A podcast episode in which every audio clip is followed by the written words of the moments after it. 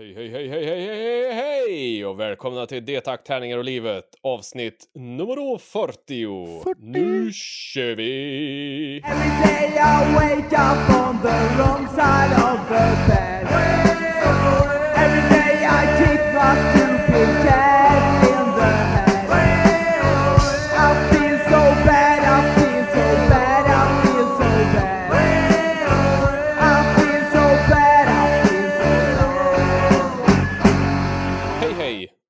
välkomna! Den här podden görs i samarbete med Spelgeek.com, en spelbutik på nätet, och Ofog och Motvalls, ett skivbolag för korta, snabba, arga låtar. Oh ja. Hej Niklas! Hej Björn. Det var länge sedan. Ja, det var ett tag sedan nu. Vad trevligt att få prata Mm. med dig igen. Ja, Ja, och... detsamma ska jag säga då också. Får du inte vara allt för självgod redan? Nej, precis. Det behöver inte vara det från början, tycker jag. Nej, Nej, det kommer. det kommer, det kommer. Ja, och sen så är det ju så att, som du så fint nämner, så är detta avsnitt 40. Mm.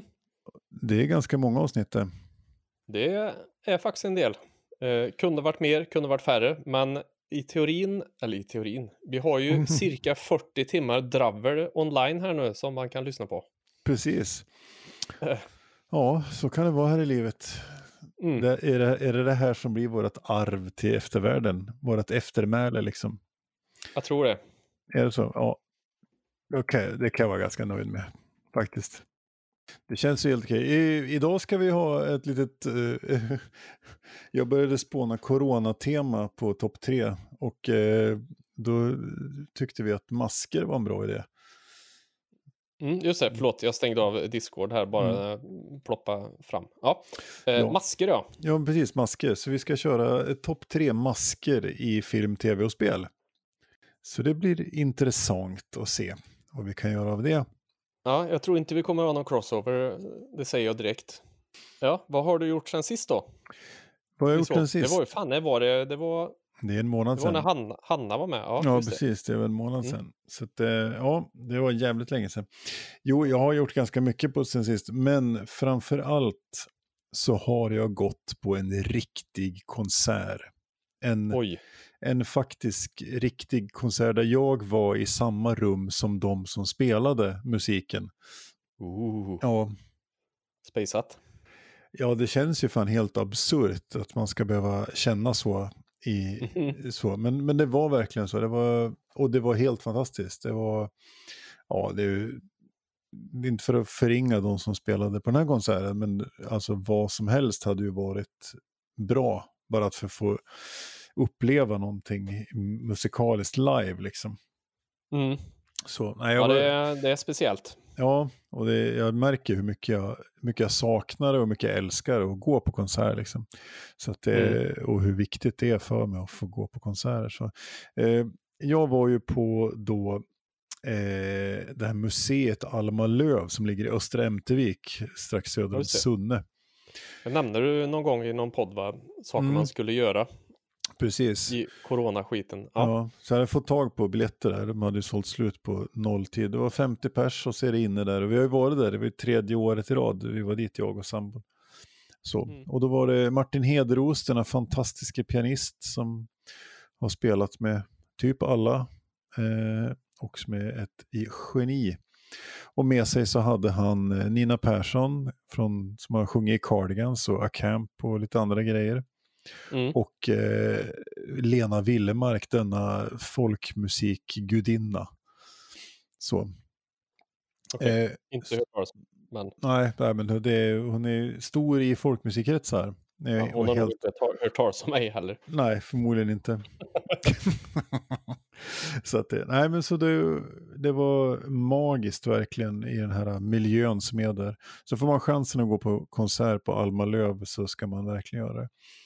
Och sen var det ju så att en bit in i konserten så var det liksom inte nog med att det var de här tre utan och då kom det en liten tår faktiskt. Eh, för då kliver in, kliver Anna Möller och Ale Möller. Som också är liksom stora i den här folkmusik, världsmusikgenren. Eh, Anna, Anna Möller var med och spelade på en av konserterna i fjol. Och det är sån spelglädje och det är så otroligt väl spelat och kompetent. Och, ja. Så det var, det, konserten började åtta och vi åkte därifrån vid, strax efter elva. Eh, så att, eh, det var en fantastisk helkväll som, ja, den kommer jag leva på länge. Det var tur jag fick den där så jag har något att leva på resten Mm. av hösten här som verkar bli ganska konsertfattig så att säga. Ja, just det. Så, så det, det är vad jag har fått göra och det är jag jättenöjd med. Så, vad, har, vad har du gjort Björn? Ja, jag har ju då som eh, ni som eh, följer med oss på Facebook och följer mig på Facebook kanske, jag vet inte hur många som gör det, men några kanske. Eh, släppt en skiva faktiskt. Just ja. Eh, och det som är lite roligt med det här då är att den är, vi spelar in den här typ 2002 eller 2003 kanske. Eh, och eh, med, med mitt dåvarande band Keystone Sinatra som sen blev Rasputin. Eh, Mm. och sen gick Marcus som spelade in, hans, den- datorn gick sönder. Och på något jävla vänster så, ah, den glömdes bort detta, typ. Eh, ham, datorn hamnade i källaren hos Marcus och ja, det Mm. bara, det försvann. Och sen nu för eh, ett halvår sedan eller någonting så har han dragit fram den här datorn och lyckats laga den och då ehm, exportera de här WAV-filerna och allting till hans nya dator. Mhm. Och mastera om och mixa om allting. Och sen eh, ja, dunkar vi ut det på Spotify och I- iTunes och allt vad fan det nu är för Mm. någonting. Eh, Det är ju helt, en helt fantastisk historia. Ju, ja, men typ 17 år senare. mm, Meningen var att vi skulle släppa det här på ett amerikanskt bolag som heter Deep Elm. Så jag var ju tvungen att skriva till dem att här, här är skivan, den är lite försenad. Jag ber om ursäkt. Har du fått något svar då? Ja, de skrattade bara. mm, Och sa better late than never, sa de. ja. Okej, ja, det- för det var inte så att de liksom sa att ah, den där har ju vi betalt för, så den ska vi ha. Nej, nej. nej det var kanske nog mer så att tanken var, för vi hade varit med på någon samlings-CD med dem innan och pratat med dem och, och Ja, ja. sagt att spela in och skicka så får vi se. Men meningen var väl att vi skulle släppa det där om de hade gått med på det. Så att det är ju lite så här. Mm. Men eh, jag är väldigt nöjd med Marcus är ju en jävel på att trolla ljud. Ja, det är han ju. Han mixar ju och masterar systemfelplattan som är helt suveränt gjord. Och, och Ja, han- Den här skivan låter ju helt magiskt också. Eh, Magiskt ljud. ja, jag tycker han har fått till ett otroligt bra faktiskt. Så, så det har jag gjort. Mm. För att förtydliga, vad, vad, heter, vad heter bandet som har släppt skivan? Keystone Sinatra heter bandet och Mm. skivan heter Claptree Sessions. Vi körde ju med att det skulle vara, ha något så här dialektalt. Mm. Så vinylsingeln vi släppte heter ju Harta Harta. Mm. Och den här är ju, eh, ja, det är ju en svengelska version på klappträ helt enkelt. För att det är ett väldigt roligt ord. Ja, ja det, det är det absolut. Det är ett, Eh, ett, så- ett, Det kan man lyssna på, Claptree Sessions på Spotify så får vi in lite stimpengar där. mm, det är fina grejer. Och, eh, ett, eh, och för att inte eh, glömma bort att säga att trumspelet på den här inspelningen är ju liksom en nationell angelägenhet. Ja, det kan man lugnt säga. Ja, men här var jag faktiskt i, i mitt prime. Här hade vi jobbat med låtarna otroligt länge och vi hade repa otroligt mycket. Så här hade jag koll på läget. Mm. Ja, men låter Och- och- jävligt bra. Lyckas arbeta in i, i mitt tycke passande trummor. Så säger vi. Mm. Men eh, jag tycker det är mycket som är, det är ju folk jag har spelat med i, när vi spelade där så hade vi väl spelat tillsammans i tio år kanske, Mm. sju, ja, någonstans där kring. Så att eh, jag tycker att de är, de är otroligt duktiga de andra. Mm. Eh, Ja, de är bra på att hitta melodier och sångslingor och det är ju lite speciellt för det är ju tre gitarrister så det är, när de ska ta ut de här låtarna så är det bara att önska dem lycka till för det är en jävla gitarrmatta som ligger svårt att höra vad som är vad. Mm. Det är en Mm. bra plankningsövning. Ja, precis. Eh, Men det har jag gjort. Ja, fan vad trevligt. Ha, vad har vi på gång då? Det går ju i musikens tecken hela vägen här känner jag. Ja, det verkar så. Jag har ju på gång att eh, Exitio, det bandet som eh, jag blev med i någon gång i våras, Lagom till Eh, coronan. lagom till coronan ja. Mm. De börjar bli färdiga med allting så då ska jag få alla låtar med clicktracks och så vidare så jag ska repa in det. Mm. Och sen ska jag åka och lägga de trummorna någonstans. Det börjar bli ganska bråttom tydligen för skivbolaget. Så det är vad jag har planerat. Okej. Vad finns det för, för plan för själva inspelningsgrejen då? Alltså vart eller? Peter som då är bandpappa kan man säga kanske. Mm. Han bor typ i en studio så egentligen så Mhm. var planen att jag skulle åka och spela in i Ulricehamn här i en studio. Men nu har han precis flyttat till ett hus som är en studio där de har spelat in eh, massa skivor typ. Så då sa han, ja men då kan du komma hit Ja, ja. och spela in. Och det kände ju jag att fan det är gott för då får man inte den här studiopressen på samma sätt riktigt. Nej, det, det blir inte varje minut kostar pengar, utan Nej. då kan man spela in lite mer i lugn och ro kanske. Mm. Va, Så- vart, är det, så- vart är de baserade då för någonstans? Eh, han bor i Göteborg. Ja, okej. Ja, det är inte jättelångt Men bort. så, nej, nej, det är ganska lagom Mm. för mig. Eh, Men sen bor ju de andra land och rike runt. Mm. Malmö och Danmark och ja, sådär. Hur många låtar är det då? Åtta tror jag. Mm. Alla är väl typ 13 minuter långa någonting så jag har Ja, att, okej. har att göra.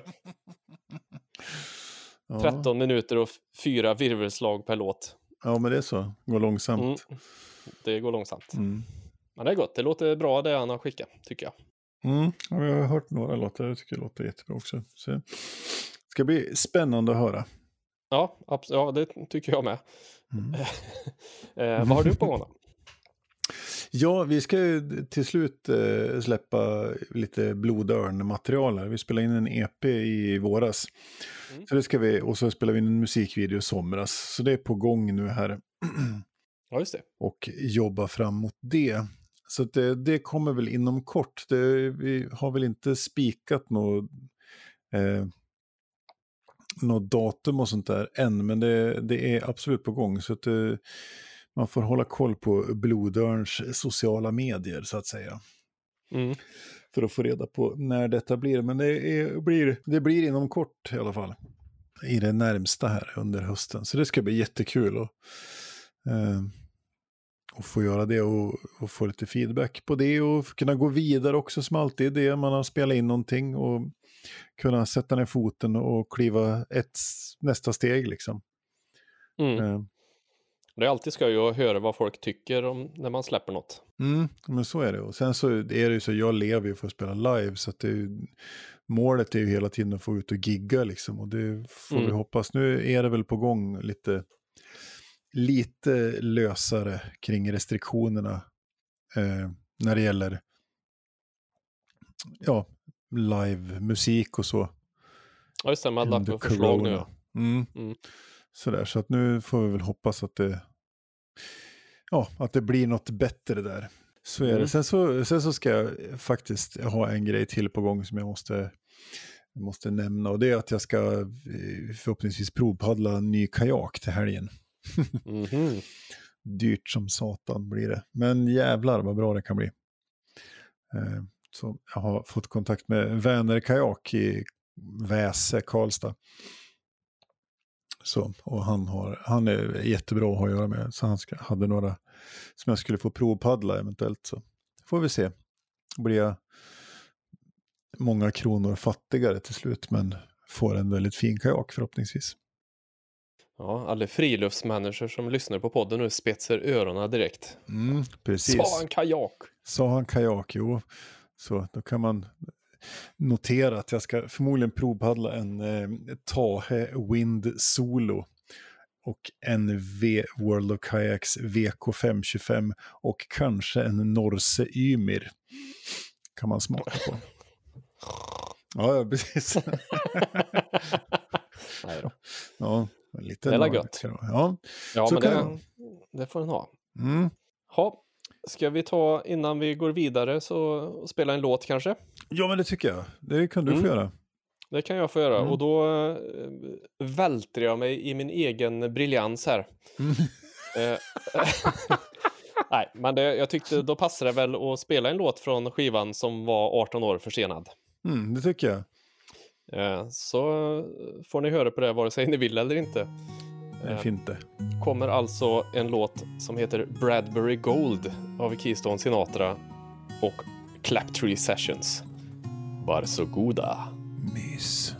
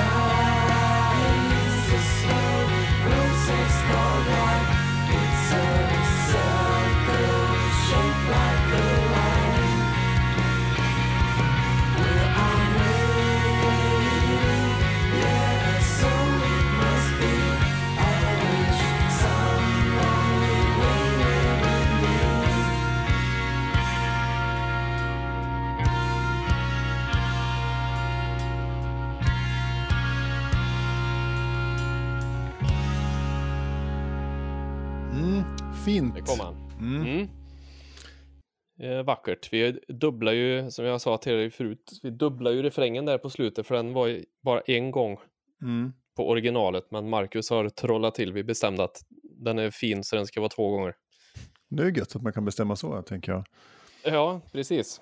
Sådär 17 år efter, när man har hört den Avicii så style. Ja, precis. När man har hört den så många gånger så man bara, nej, fan den där refrängen skulle nog vara två gånger. Nu har jag lyssnat på den så länge så att nu är jag mogen att lägga till en refräng till. Otroligt sömlöst fick han till det i alla fall. Så han, eh, ja, han vet vad han Mm. gör. Yes, har du spelat något spel på sistone då? Ja, det har jag. Jag tänkte, ja, att du, jag tänkte att du kan börja här för jag har en lång jävla rambling sen. ja, då kan jag börja så kan du få ramla och så kan jag gäspa sen. Nej då. Mm. Eh, Jo, jag eh, kan ha nämnt detta tidigare, men jag fick feeling och köpte ett eh, fantastiskt spel som heter eh, Dominant Species. Mhm. Eh, en sån här, ja, jag skulle vilja säga att det är en, en liten hörnpelare i, i spelvärlden. Men, eh, ja, i alla fall. Det är släppt 2010 av GMT Games. Eh, och GMT och jag har ju ett ganska komplicerat förhållande för att GMT kan släppa fantastiska spel men så kan de släppa så här fruktansvärt tråkiga och märkliga spel också. Så att det, det är ett konstigt spelföretag tycker jag. Eh, men i alla fall, de har släppt Dominant Species och det släppte de 2010 och det är designat av en man som heter Chad Jensen. Chad, Mm. Chad Jensen, som tyvärr har, gick bort för ett år sedan. Eh, råkade läsa här när jag läste på lite grann om spelet. Så, eh, det är för två till sex spelare och eh, det ligger då på Board Game Geeks eh, viktskala över hur svårt det är så är det 4,04 av 5. Vilket är ju ganska komplicerat. Sen är det inte superkomplicerat att lära sig så, utan det, det som är komplicerat med att det är så jävla mycket att hålla reda på när man spelar det. Eh, Okej.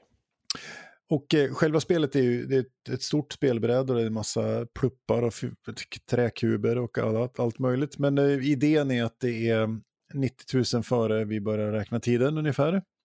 Och det är snart dags för istid som, och den breder ut sig eh, med hjälp av tundra. Och eh, man ska helt enkelt se vilken art som är, eh, har mest dominans, vilken art är starkast när istiden kommer. Så man, man representerar ett varsitt sorts djursläkte. Så man, en spelare, man kan vara däggdjur, reptiler, fåglar, vattendjur, spindeldjur eller insekter.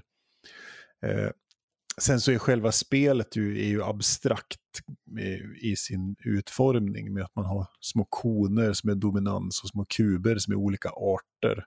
Så Okej.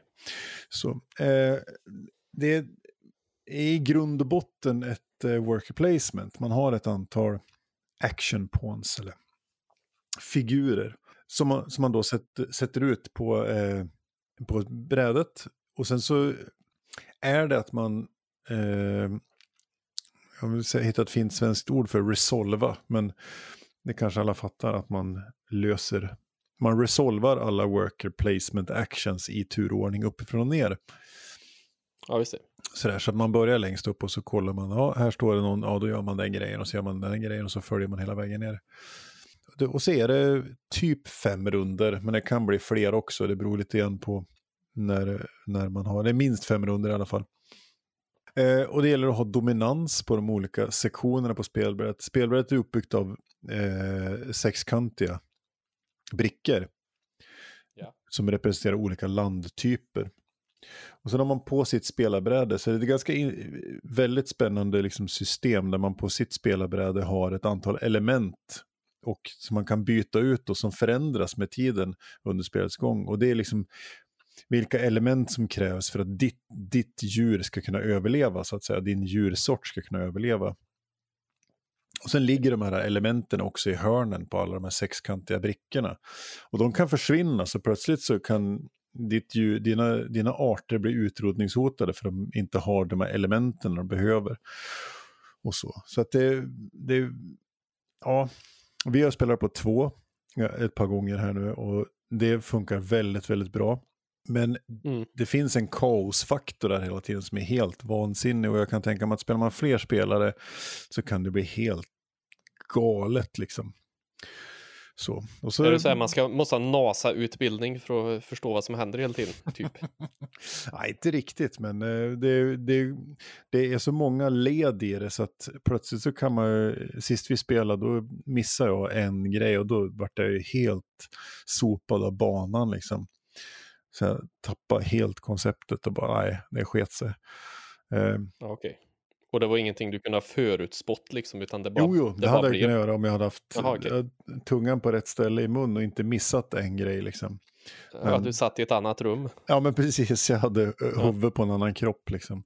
Så att, eh, så, nej, men så, bred, det så breder tundran ut sig också så att då blir man av med områden som man har dominans på. Och varje runda avslutas med att man liksom mäter dominans på de här olika brickorna och får poäng utifrån det. Då. Eh, och sen finns det ett antal kort som är ganska väldigt speciella som ger effekter på spelet som man väljer hela tiden. Och, och någon som sa det, det finns ett antal kort och det är så här 25 procent av korten är bra för den som tar kortet och resten av korten är dålig för allihopa.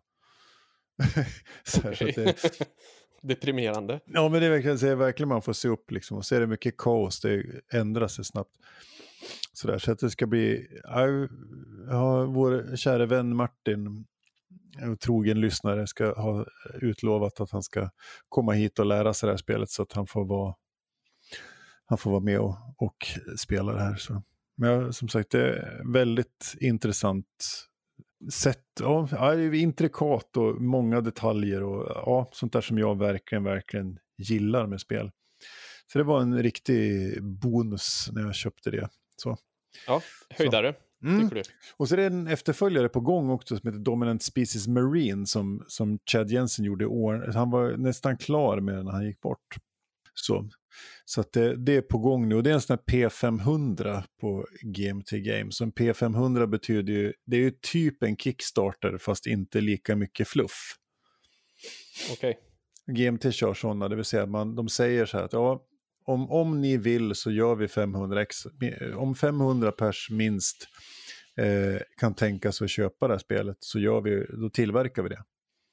Så, Okej. så då finns det en P500 igång, nu är den uppe i 1350 exemplar eller någonting. Så, så, att, eh, eh, så är man intresserad av den här eh, P500 av Dominant Species Marine och vill spara lite på porto, då är det faktiskt så att jag gör en beställning här i september av den här. Så kan man hojta så finns det en liten intresseanmälan att göra. Ja, det, Eh, det så kan man få haka på och spara lite porto. Sådär. Så det kan man få göra. Dominant Species Marine. Eh, men skicka oss ett mess så, så berättar jag mer. Annars finns det ett inlägg i Konrad Argo-gruppen på Facebook. Där man, det finns lite information också. Ja, det om Dominant Species Marine. Jag har bara en avslutande fråga där. Om man är intresserad av P500, måste, är det en expansion som man måste ha det första eller kan man hoppa rakt på Marine? Man kan hoppa rakt på Marine, det är ett fristående spel med, med utvecklad eh, mekanik liksom. Ja. Okej. Så det, det ser intressant ut. Mm. Mm. Eh, då ska jag lite snabbt prata om två spel innan jag går över på mitt huvudnummer. Eh, inte ens om jag lägger ihop eh, tyngden på Board Game Geek på de här två så kommer jag upp i 4,4. så att då kan ni ju räkna själva ut att vi är på andra sidan skalan. Mm. Som vanligt när det kommer till mig. Eh, det första jag ska prata om är Spicy, som är ett eh, kortspel för 2-6 spelare eh, av designen, designern, nu, ne, jag slaktar namnet här nu för han är turk tror jag, men Giori Zoltan Gabor eller eh, ungrare eller någonstans där kring.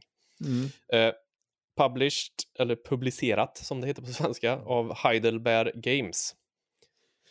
Eh, och Spicy är då, eh, man spelar som kat katter, stora katter, tigrar eller så. Mm. Skitsamma, det har ingenting med saken att göra egentligen, men det finns en story bakom det här. Kort sagt så har man eh, tre olika suits, kan man väl säga, vad fan det Mm. nu heter på svenska. Färger tror jag är det Fär, korrekta. ja, just det. Just det Mm. Stämmer. Eh, som då är wasabi, chili och peppar. Och det här ska vara någon slags eh, eh, typ spicy kryddätartävling. Den som äter Okej. kryddigast. Eh, det är liksom själva temat. Eh, och de här tre eh, olika färgerna finns siffran 1 till 10. Tre av varje i leken. Mm. Och så finns det även eh, wilds på siffror 1 till 10 som är alla siffror men ingen krydda. Och motsvarande så finns det kort som är alla kryddor men ingen siffra. Okej. Eh, och då går det till så att alla spelare får sex kort var. Eh, det ligger tre stycken bonus-tokens typ på bordet som är värda 10 poäng. Mm. Och första kortet man lägger ska vara någonting 1, 2 eller 3. Och så lägger man det face down och säger hej, jag lägger en peppar 2. Det kan vara en peppar 2, det kan vara en chili 9, det kan vara, det behöver inte vara det man säger. Det är ganska sällan man börjar med en trea på hand. Mm. Eh, och då ska nästa person måste följa färg och lägga över. Jag kan inte, man måste lägga peppar 4 eller ja, uppåt. Mm. Eh, och så håller det på ända tills någon challengear den som lägger och säger att nej du, det där är ingen, då kan man antingen challengea färgen eller siffran. Okej. Så om jag då Så säger, Man, man nej, väljer alltså ingen... vilken, vilken av dem man, man inte tror Mm. på. Precis. Om jag då säger, vi säger att du la en peppar 9 och jag tror inte på dig, då säger jag nej, det där är ingen peppar. Nej. Och då, då revealar man kortet och är det då en peppar, då får du hela högen som poäng. Alltså varje kort är värt ett poäng. Okej. Jag får dra två kort från högen och bör- starta en ny hög. Och sen så eh, när man kommer till, beroende på hur många man är, så stoppar, man in ett End of the World-kort. När man kommer ner dit, då är spelet slut. Eller när någon har tagit, om man blir av med alla kort på sin hand utan att någon challenger ditt sista kort, då får du ta en sån här 10-poängskort från mitten som det fanns tre av. Och när någon har två sådana, då eh, vinner de. Typ. Annars så spelar man färdigt och så räknar man hur många poäng man har. Ja, ja. Och sen finns det lite olika varianter eh, som man kan spela när man, om man tycker att nah, men nu är det tråkigt, så finns det massa varianter man kan göra på, på spel. De har jag inte gjort än, vi har bara kört rakt upp och ner. Okej, så det Spel. finns liksom inbyggt flera varianter på spelet också. Ja, precis. Mm. Eh, jätteroligt är det, tycker jag. Det är ju, påminner om eh, Cockroach Poker som jag älskar. Men här, så är det, här är alla med mer, alla är mer inblandade. För i Cockroach Poker så kan det lätt bli att det, man tvingar en hela tiden. Alla är inte med liksom. Mm. Alla är inte med. Här är alla med hela tiden, mer eller mindre. Ja. Eh, så det rekommenderar jag starkt. Det är riktigt jävla skoj faktiskt. Mm. Spicy, alltså. Kom i år. Spicy. Från i år. Ja. 7,5 på Board Game Geek har det. Oj du, det var ju rätt högt där faktiskt. Ja, det är högt. Och en weight, eller complexity rating, då, hur svårt det är, på 1,94. Nästa som jag lite snabbt ska gå igenom är Sushi Roll som jag har spelat, som kom 2019 och det är av designern Phil Walker Harding och släppt av Game Right, eller publicerat. Det är samma, samma som gjort Sushi Go då. Ja, det är det. Det kom som sagt 2019. Det har en, en eh, complexity rating på 1,25 Mm. Och det är ett, kan man säga, eh, tärningsdrafting eh, för 2 till 5 spelare. Tar ungefär 20 minuter att köra. Och eh, om man är två då till exempel, som vi var igår när vi spelade, då drar man eh, åtta tärningar ur en, alltså blint om man ska säga, ur en bag, påse. Fan, Mm. engelska, svenska. och så slår man dem och så lägger man ut dem på sitt conveyor belt och sen ska, måste man välja en tärning och ta till sitt eh, bord eller vad man ska säga, som man Mm. sparar. Eh, och sen när alla har gjort det, eller båda två då, i det här fallet om man är två, så byter man den här conveyor belten med alla sina tärningar på.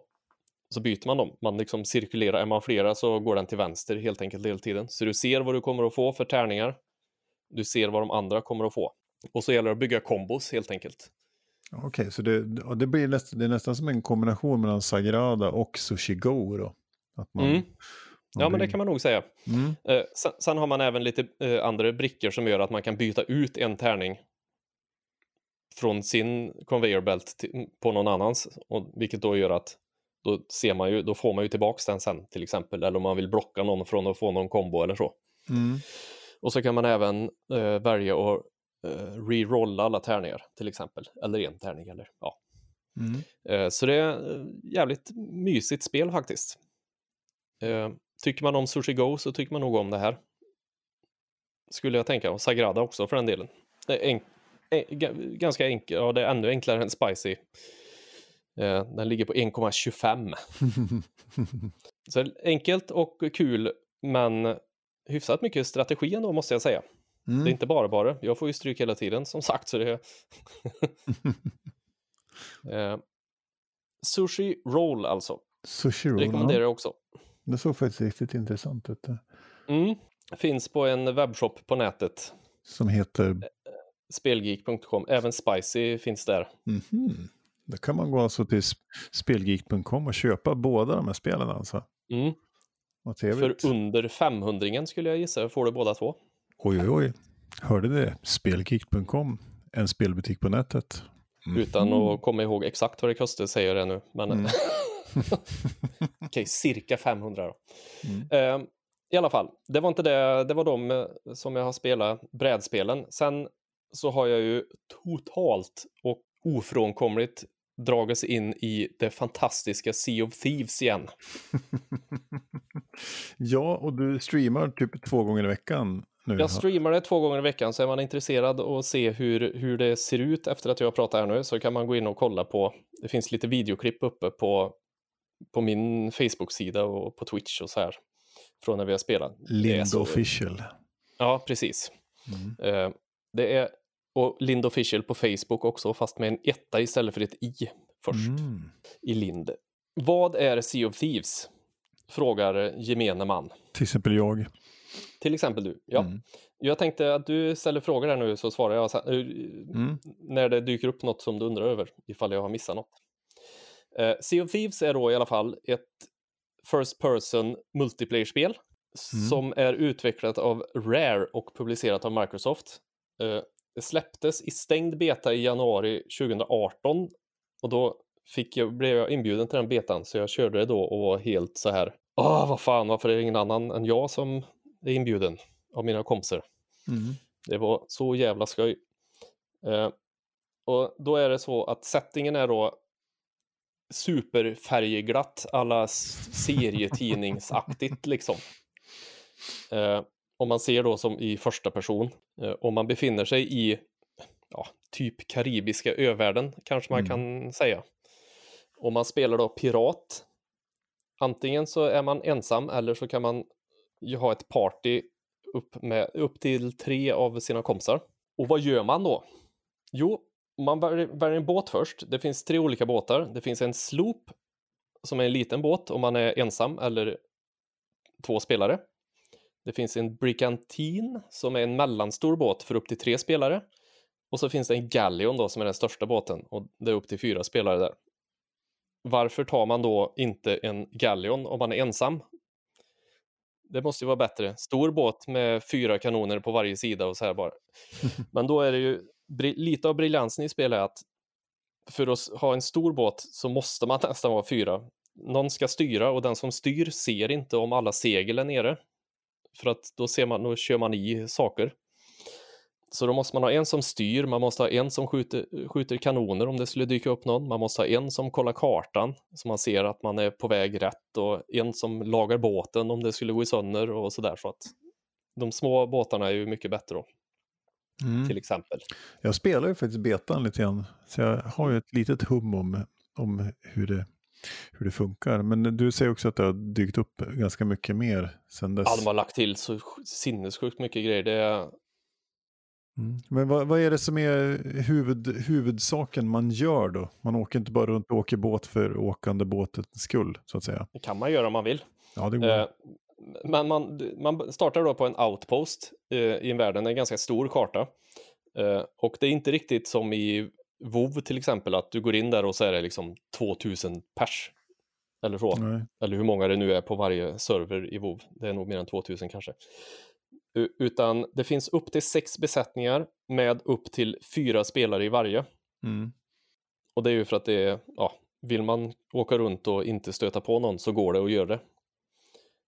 Eh, och på varje outpost där man spånar då, eller där man startar, så finns det en, lite olika faciliteter som vi säger.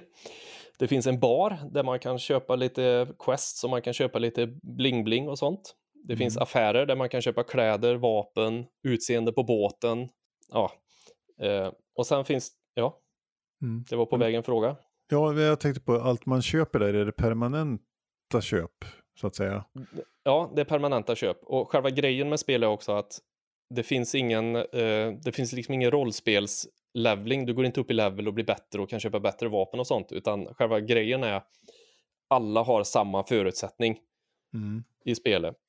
För att det hade ju inte varit kul om du kom in som ny spelare på en server som har 20 stycken level 200 med laserkanoner och grejer. eller det- Nej, liksom, utan alla har samma, utan det är bara rent skillbaserat allting. Mm. Så allt man köper är bara liksom kosmetiskt.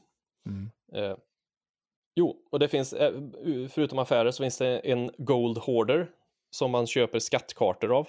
Och där lämnar man också in guld när man har varit och hämtat skatter. Eh, Order of Souls finns det något som heter, där man köper uppdrag där man ska besegra skelettkaptener. Och sen på samma sätt där då så lämnar man in skallar av kaptenerna. Och så finns det Merchants där man köper uppdrag där man ska frakta varor mellan öar. Absolut tråkigast. Eh, ett sånt var, eh, man kan göra rena sådana pick up and deliver ja, quests liksom. det kan man göra. Eh, och utöver de här då så finns det på varje outpost finns det tunnor utspridda som har kanonkulor, mat, plank och så vidare. Och då får man springa runt i början. Alltid när man startar så springer man runt och bunkrar upp och lägger allt på skepp då. Mm. Eh, för plank använder man ju för att laga hål och kanonkulor, säger sig självt vad man använder till. Och mat får man ju tillbaks eh, liv och så då.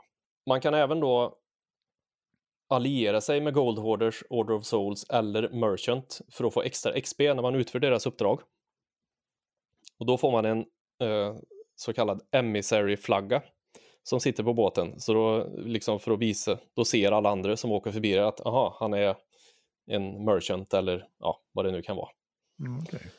själva grejen med det är då när man åker och utför uppdrag, ju mer grejer du gör och har på båten, ju mer åtråvärd blir den flaggan. Alltså den stiger i värde, flaggan. Så ser man att det är en emissary level 5, typ, då vill man skjuta ner det skeppet för den flaggan är värd jävligt mycket om en säljer. Okej, men alltså det, det påverkas av det som man inte har lämnat in, som man har på båten så att säga. Ja, Mm. precis. Och så finns det vissa, om man dyker ner i vrak och tar eh, Reapers Bounty som det heter, så fort du tar den kistan, då syns du på kartan. Mm, Okej. Så då vet alla vart du är på väg och vad du har på båten. Sen så är det ju så att det är liksom ingen... De har gjort det till en stor sandlåda i princip. Du, man spelar som man vill. Mm. Det finns inget rätt sätt att spela på om man ska säga, utan man gör precis som man vill. Man kan vara pirat och åka runt och skjuta ner, försöka skjuta ner alla båtar. Mm. Eller man kan undvika att bara göra merchant-grejer. Vem fan som nu vill göra det. Men... Mm. Och sen har de lagt till så man kan spela instrument, man kan dricka sig full, man kan fiska, man kan åka och dyka efter skatter på vrak som sagt. Man kan också alliera sig om du ser en annan båt så kan man hissa en att man vill bilda allians. Okej. Eh, vilket gör att då, om, om de åker iväg, om man gör en allians och det andra skeppet åker iväg och lämnar in massa skatter och sånt, då får du också pengar för det. Då ser du liksom att bara plupp, och nu har de lämnat in någonting. Åh fan. Man kan, de har lagt in en kampanj som man kan göra något som heter Tall Tales som är liksom story i spelet. Eh, sen finns det ju alltid risken när man är ute och åker att dels är det vädereffekter, så det är åska, blixten slår ner i en ganska ofta så man börjar Mm. brinna, så får man ta en hink med vatten och kasta på sig. Eh, Okej. Skeppen går sönder, man kan sänka, alltså man kan skjuta kanonkulor typ så att eh, folks mast åker ner, då måste de lagra den innan de kan åka vidare. Mm. Och när man är ute och åker så finns alltid risken att du blir anfallen av Kraken eller Megalodon. Alltså Kraken är ju en svinstor bläckfisk helt Ja. enkelt. Eh, Megalodon är ju en asstor haj. Precis. Och så har de även lagt in så att här och var så dyker det upp eh, skelettskepp som om är du i närheten så anfaller de. Mm, Okej. Eh, så det finns otroligt mycket att göra. Och jag kan inte prata Sea of Thieves utan att nämna vattnet, för det är det finaste jävla... Alla spel borde ha vatten som i Sea of Thieves. På riktigt. Det är ju, det rende, vattnet renderas ju på Microsofts Xcloud-server för att det ska bli, alla ska ju åka ju, hade det renderats på din egen dator och det går höga vågor så är ju risken stor att en annan båt som skjuter på dig inte har samma våg Nej. typ. Så att, eh, nej. Sea of Thieves, underbart. Ja. Och ja. är det någon som vill eh, testa att spela så seglar vi ju flera gånger i veckan som sagt och det är bara roligt om det kommer någon och vill vara med. Men är det tekniskt möjligt att hamna två båtar på samma, Ja, sa- i samma värld, i samma ja sandlåda det så att säga? det. Jag har inte, jag har inte varit med om det än. Men eh, personligen, men jag har sett att folk har hamnat på samma. Mm. Men, det, men det, går inte, det går inte så att du, du startar ett, ett, ett fyrgäng och jag startar ett fyrgäng och så ser, kan vi hamna på samma, i samma Ja, värld. det kan, det, I så fall så får det ju vara att någon startar och sen så får de andra starta och så får man åka till samma ö och se om man är på samma server. Då. Det tar ju jävla tid. Ja, ja, ri- risken är att det aldrig händer tänker jag. Ja, precis. Nej, men det är som sagt, det. Vill man prova det också så ingår det ju i Microsoft har ju Xbox Game Pass for PC som är, ja, man ska inte stirra sig blind på att det har Xbox i namnet för man, man har massa PC-spel också. Mm. Eh, och man får prova en månad för 10 kronor. Och sen resterande månader kostar det 45 spänn tror jag något. Ja, okej. Och då får man alla Microsoft-spel som de släpper. Flight Simulator är nya med till exempel. Ja. Det är en äckligt bra deal. Ja, Och Det of låter- som sagt. det låter ju nice. Mm. Nu har jag ramblat på av Sea of Thieves. Ja, massor med Sea of Thieves, Vander. Mm. Hoppas någon är sugen på att testa. Annars Mm. får ni komma in och kolla när vi spelar. Det händer roliga grejer hela tiden. Ja. ja, jag blir ju faktiskt lite sugen på att köpa det också. Mm. Men det fanns på Steam också nu va? De har släppt det på Steam också. Då vill kan, kanske du avsluta det här ramblandet med en låt, tänkte Ja, jag. men det tänkte jag. Eh, jag tänkte vi skulle lyssna på ett eh, tyskt, eh, någon slags, ett tyskt band i alla fall, som heter Angst. Jag tror det uttalar så. De är från Berlin, eh, som jag sprang på, på, på för ett par år, år sedan. Det är någon slags blandning mellan ja, krustpunk, hardcore, black metal. Ja, det är fint och spännande sound. Eh, jävligt bra sång tycker jag. Han har väldigt speciell röst. Så, eh, Jag tror jag spelade dem förut faktiskt i podden. ja, det kanske är så. Mm. Jag känner igen detta. Minnet är bra men sjukt kort. Eh, Mhm. Men det här är då första singeln från den kommande skivan som heter Summits of Despondency.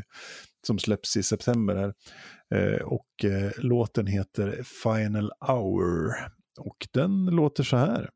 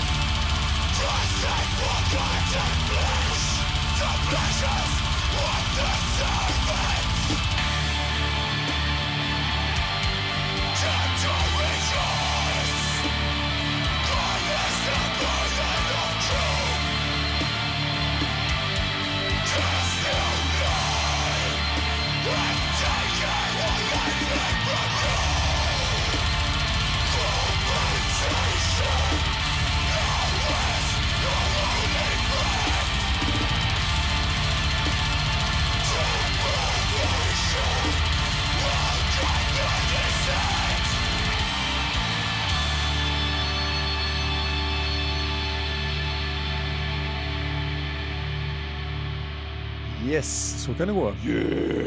Mm. Kan även rekommendera den förra plattan som heter eh, Ab- Abolitionists från eh, 2018. Eh, riktigt bra, bra sound. Han låter lite grann som Tompa i At the Gates. Han hade samma Mm, sound liksom. guden. Mm. Guden, guden, guden. Men angst i alla fall från Mm. Berlin. Ja, det är gött. Mm. Gött mölj. Mm. Mölj och rens och grejer. Då så, eh, Björn Efraim Lindström. Då ska vi ta Mhm. och eh, köra oss igenom en topp tre masker. Björn Jebediah Lindström. Ja, Amish-björn. Amish-Björn. Ja, men precis. Eh, vi, vi tänkte att vi skulle, vi började, jag började spåna på coronarelaterade eh, topp 10 som vi skulle kunna göra. Och då fastnade vi för masker eftersom det är mycket snack om masker just nu.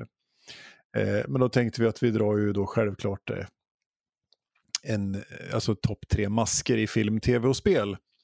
Mm. Sen tror jag att jag hamnar bara i en av de tre kategorierna, men det är ju, så kan det vara. Samma här. Samma här, ja. Så, så det, men det är så det blir ibland. Eh, och det var som vanligt eh, jättelätt på pappret, men svårt i verkligheten. Ja, Så. ja, men så är det. Jag har ju också lite tänkt lite, vad är meningen med en mask? Mm. Och då har jag kommit, kommit fram eh, till lite här. Dels är det ju förklädnad då, till, Mm. såklart. Och eh, anledningen till att många skurkar i filmer och sånt har det är ju ganska uppenbart för att de ska dölja sitt ansikte. Men så är det ju också lite att man, man är ju rädd för det okända liksom. Det är ju Ja. ofta så att det man inte ser är ju värre än när man ser det. Som Precis. Och, det, i A- Alien 1. mm. ja, och, och sen finns det ju masker som är gjorda för att se läskiga ut också, så att säga. Ja, precis. Och hade, man har väl haft masker liksom, dels så teater och men även vid eh, begrav, så begravningsceremonier och sånt förr. Nu har väl ingen, Mm. det är väl ingen präst som kutar runt med en eh, plåtmask. Det vet men, inte. men för länge sedan? Nej, det vet jag inte. Så är det. Men så finns det lite olika också. Det finns ju för skydd. Man har Mm. ju gasmask. Kirurg, kirurger har mask för att inte Mm. spotta ner i såren. Och sen så finns det ju dagg också. Daggmask. Det är ju bra att ha när en ska meta. Åh. Vänta. Tack. Så. Ja, eh, om, då går vi vidare. Nej, men, men det, är det som blir intressant är ju, eftersom det är en diskussion om masker i samhället av, på grund av covid-19 nu då, och eh, jag diskuterade det på jobbet ett par gånger och, och, och jag har provat att ha mask på mig på stan faktiskt också. Jag köpte ett par masker för att testa. Mm. Och för att kunna, ja i vissa fall när man går på affären och sådär för att känna sig trygg och så. Men det är någonting med när du tar bort de här eh, mänskliga dragerna runt, alltså det, det är ju så mycket du förmedlar med ansiktet och munnen Mm. och näsan och sådär. Så att det är, det är någonting som händer med eh, kommunikationen människor emellan när man får på sig en mask också. Jag tror det är det som också blir liksom eh, eh, en, någonting som man kanske inte tänker på rakt ut när man tittar på film eller tv eller något sånt där. Och det är, och det är en mask på liksom, så att säga. Mm. Eh, att det finns en dimension av det här osäkra, att man inte kan läsa av till exempel. Ja, jag har också när jag kollar på jag kommer inte ihåg när det var, någon, jo men Diamond League-galan var det, Mm. tror jag. När man kollar friidrott så, här, och så intervjuade någon som hade mask. Fan vad tråkigt det var. Mm. Man såg bara ögonen. Ja, men precis. Och jag har ju så tittat på, nu är Formel 1 hela sommaren här och där har, ju, har de ju varit väldigt nitiska med masker. De var ju tidigt ute och testar alla i alla team två gånger om dagen typ och sådär. Så det är helt Mm. bisarrt. Och där har ju alla mask också så att eh, ja. Mm. Så att, eh, Så ja, länge de inte har masken framför ögat när de kör så är det ju bra. ja, då kommer de sist Björn. Ö ögonmask. Mm. Ja. Precis. ja, men det ska bli väldigt spännande att se vad du har, eh, Mm. har, har kommit fram till för något Ska jag börja? Ja. i ditt tänk. Ja, vi kan ta Mm. din plats nummer tre här då. Ja, eh, och min plats nummer tre är ju en, eh, en, en som jag stötte på tidigt i livet, eh, tänkte säga. Men eh, det är ju då Jason Voorhees från fredag den 13. Och här sitter jag och säger att vi inte har någon crossover. Ja, men precis. Jag Min trea är Jason Voorhees också, så vi kan väl Ja, bara... du- Då tar vi den tillsammans. Ja, Mm. ja, men, ja kör först du, Ja, för för, för, de som, för de som inte vet då så är det ju så att eh, det finns en, en filmserie som heter Fredag den 13 och i den så finns det en, en eh, antagonist säger man kanske. Det vill säga Mm. själva den onda filuren. Och det är ju då en, en eh, kille som heter Jason Voorhees som har drunknat, vad tror jag. På, Så är det, för att eh, campledarna var ouppmärksamma. Så var det. Han hade drunknat i en sjö där. Och då har han den här en, en hockeymask, en sån här old school hockeymask, en sån där som hockeymålvakterna hade på den tiden då det var töntigt att ha hjälm när man spelar hockey. Mm. Då hade man liksom någon slags gallermask för man insåg att näsan och tänderna vill man ändå ha kvar. Men ramla bakåt och slå huvudet i, det var inte så noga. Ansikte överhuvudtaget är rätt bra att ha, Mm. tänker jag. Så är det. Nej, men så det, den har, har en hockeymask där och den, den är så pass mycket barndomsminnen, det låter hemskt att säga, men eh, jag såg en hel del av de här filmerna eh, när jag var yngre liksom och det, den, den sitter kvar där någonstans. Jag, jag hajar nog till när jag ser de här maskerna fortfarande och tänker, oh, Jesus, men ja.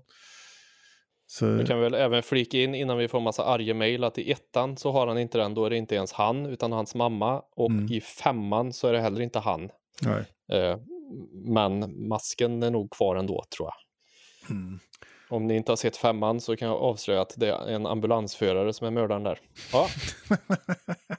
Spoiler! Spoiler alert in afterhand. Ja, Har jag för mig i alla fall. och jag, ja, nej, men jag den är ju verkligen med- ikonisk. Ja. Jag börjar med fyran tror jag. Är det den som Alice Cooper gör eh, soundtracket till? Så är det. Vi måste, ju- jag måste kolla, kolla direkt här. Det är, fredag den 13 del 6.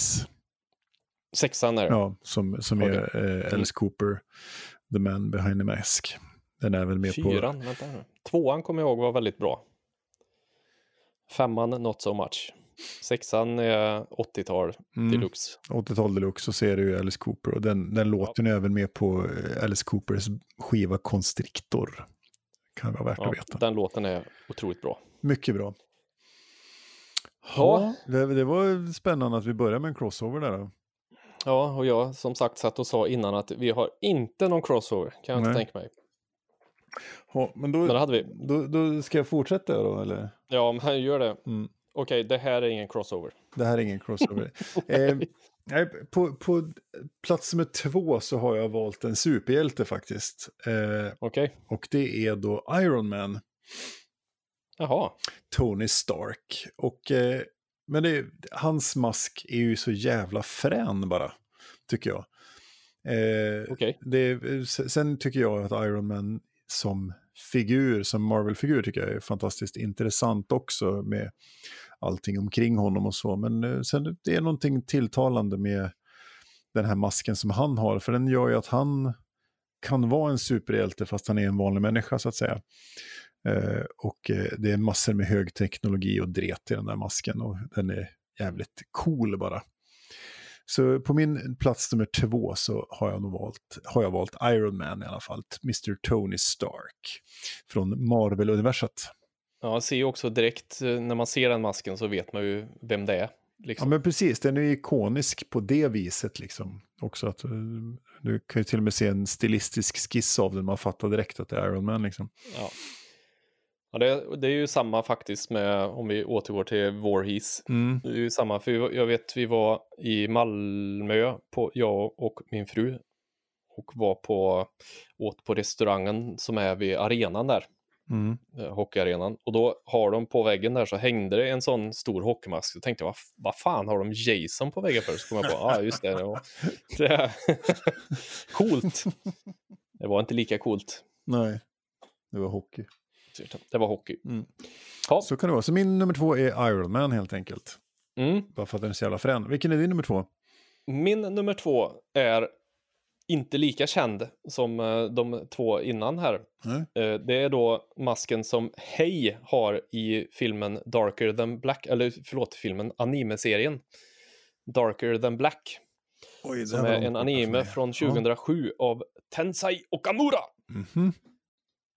Och ja, jag, vi får ju lägga upp någon bild på den där, men det är en Mm. enkel eh, vit, vit mask. liksom. Jag tycker den, den är cool. Hela den serien är jävligt bra. Jag har inte sett färdigt den än, men han är cool. Det handlar alltså om, det är någon slags futuristisk noir setting Mm. där det har öppnats gates till himlen och helvetet. Och eh, det finns folk som har fått eh, krafter som, heter, som kallas contractors då Okej. de används av ja, typ CIA och såna här för att mörda för att de kan göra otroliga grejer. Men det finns Mhm. en baksida när de använder sina krafter så har de alltid ett, ett bakslag som de måste göra.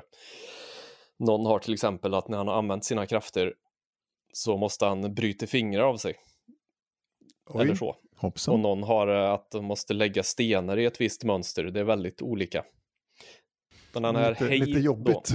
Ja, den här Hej då, han eh, verkar vara en människa som har fått sådana contractorkrafter så man vet inte riktigt om han är...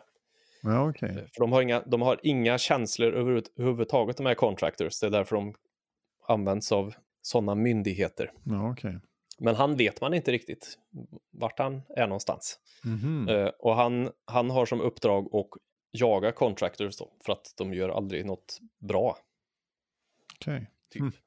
Så hans mask i alla fall tycker jag är jävligt cool. Fränt. Mm. H-E-I, inte, inte hej, Mm. hejsan hejsan.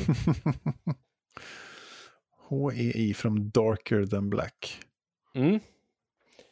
Det är min nummer två. Mhm. Då kommer min nummer ett. Ja, wait for it. Ja, det var ju givet. Ja, det är klart. Ja. Eh, och eh, min nummer ett är ju då, det var ju liksom det första jag kom att tänka på när vi skulle ta den här grejen. Och det är ju helt enkelt The Mask. Ja, den har jag också tänkt på. Mm. Och då, då tänker jag specifikt på Jim Carreys version, alltså filmen Mm.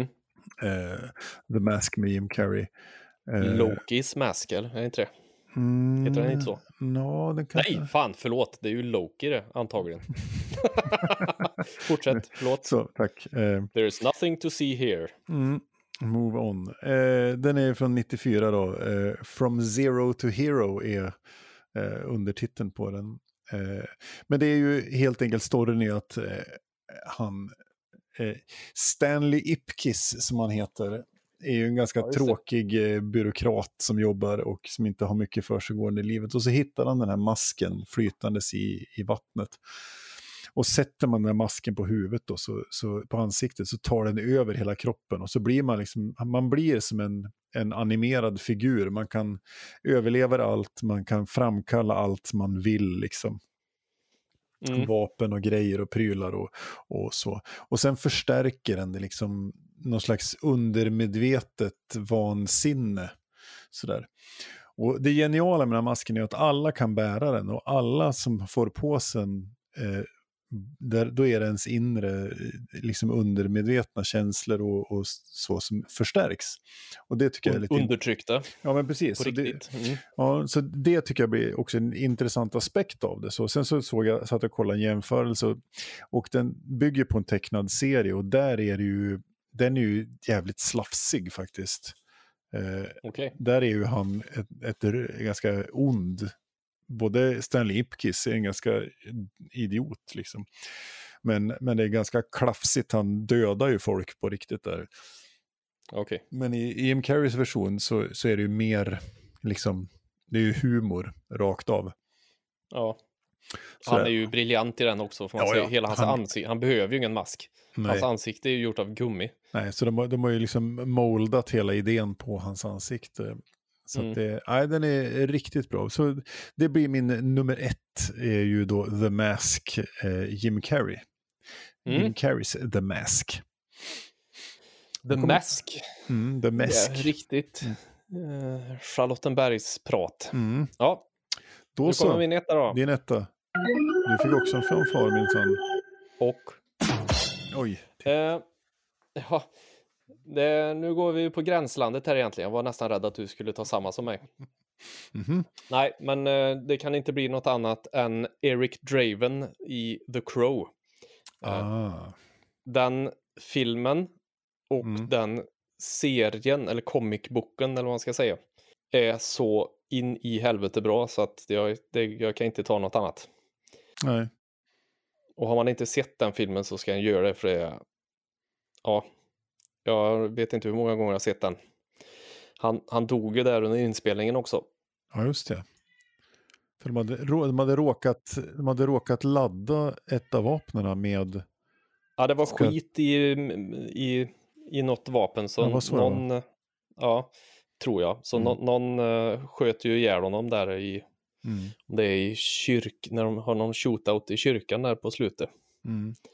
Så hela den, hela, dels den historien och sen själva The Crow-historien är så otroligt välskriven och så sorglig och så vemodig och bra. Mm. Och han gör ju jordens jävla skådespelarinsats, tycker jag. Mm. Fan vad länge sedan jag såg det. Det måste jag nästan ta och kolla upp igen. Ja, det är ju en av mina laster, tänkte jag säga. Mm. Ja, Jag tycker det är bra. Och även James O'Bars comic book ska man läsa, som sagt, för den är också jävligt bra. Mm. Han har ju då, om ni inte har sett den, så kanske man ska förklara hur den ser ut, men han målar ju ansikte vitt. Mm. Och sen så har han eh, svart runt ögonen, ner, någon slags clown eh, variant. Fast Precis. inte så rolig. ja, Mm. nej, synd eh, på Brandon Lee. Mm. Men eh, jag freakar även in att om man har sett The Crow och gillar den så borde man ta och kolla på Alex Proyas andra, en av hans andra filmer som heter Dark City som är också riktigt jävla bra. mm. Har du sett den? Nej. Oj, då måste du se den. Det är ju med Rufus Sewell som är med i Man in the High Castle och Jennifer Connelly och Kiefer Sutherland är med. Oj. Ja, Riktigt mystisk och eh, väldigt bra film, ska jag säga. lite finlir att titta på till helga. Ja, Mm. nej, för då ska vi spela Sea of Thieves. Men eh, någon gång får du. Eh, det var min etta i alla fall. Eric Draven eller The Crow då. Mm. Trevligt, trevligt. Mm. Men då har vi gjort våran topp tre. Sen så finns det ju, går det ju att rabbla eh, bubblare. Men jag tänkte ju, Mhm. mina bubblare blir ju liksom egentligen, och det är, det är öppet mål, men de sämsta maskerna. Ja, Alltså så här, Zorros ögonbindel. ja. som, som är liksom så här, eh, right? Eller Stålmannens glasögon. nej, nej, nej, nej, nej, nej, det är min. Det är Det är min bubblare. Clark Kent, han har glasögon och luggen åt andra hållet, så tar han av sig glasögonen så är det ingen som känner igen honom. Ja, det är så jävla dumt så hälften var nog. Ja. Så det, det finns ju sådana riktigt dåliga masker liksom. Men det är Mm. så det är. Ja, sen har jag ju också som en riktig bubblare eh, Vi i V for Vendetta. Den Mm. eh, masken är ju riktigt jävla cool. Guy, Guy- Fawkes. Ja. ja, den kan man ju läsa på för den finns det ju en rejäl historia omkring. Mm, Så absolut. Bygger på Guy Fawkes på 1600-talet som gjorde uppror i London om jag minns helt rätt. Nu kommer jag inte ihåg vad länge sedan jag läste om det. Eh, Stämmer nog. Ja, och som har sen fått en, en helt eget liv efter V for Vendetta, tv-serien, eh, serien och filmen, och böckerna, genom att eh, eh, det här nätverket Anonymous använder sig av Mm. Guy, Guy Fawkes-masken också. Så den är ju spännande för att den har så mycket omkring sig också. Precis. Nej, men den, eh, den gillar jag. mm. Bättre än Clark Kents glasögon. Ja, den är svårare att känna igen någon i. Ja, Så är det. yes. Ja, Nej, vi- men eh, Vad har ni Kör för, vad har ni för, för favoritmasker? Det, låt oss veta vilken så. Eh, jag har, jag har, eller sämst. eller sämst. Så är det. Det finns ju många att välja på. Så ge oss era bästa eller sämsta tips på masker. Eh, så blir vi glada i hatten.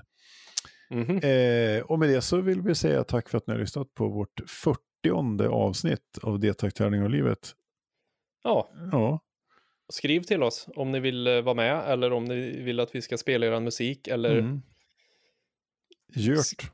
Skriv vad fan som helst. Eller tips ni- på när- gäster, tips på topp Ja. treor, Om ni ska vara med och spela Sea of Thieves. mm. tips på saker att göra med sitt liv, tips, eller hojta om man vill med mig beställa Dominant Species Marine.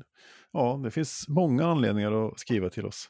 Det gör det. Gjort bara gjort. Och in och recensera oss på iTunes, ge oss fem stjärnor. Annars, jävlar, Kommer Jason Voorhees. Kommer... Eh...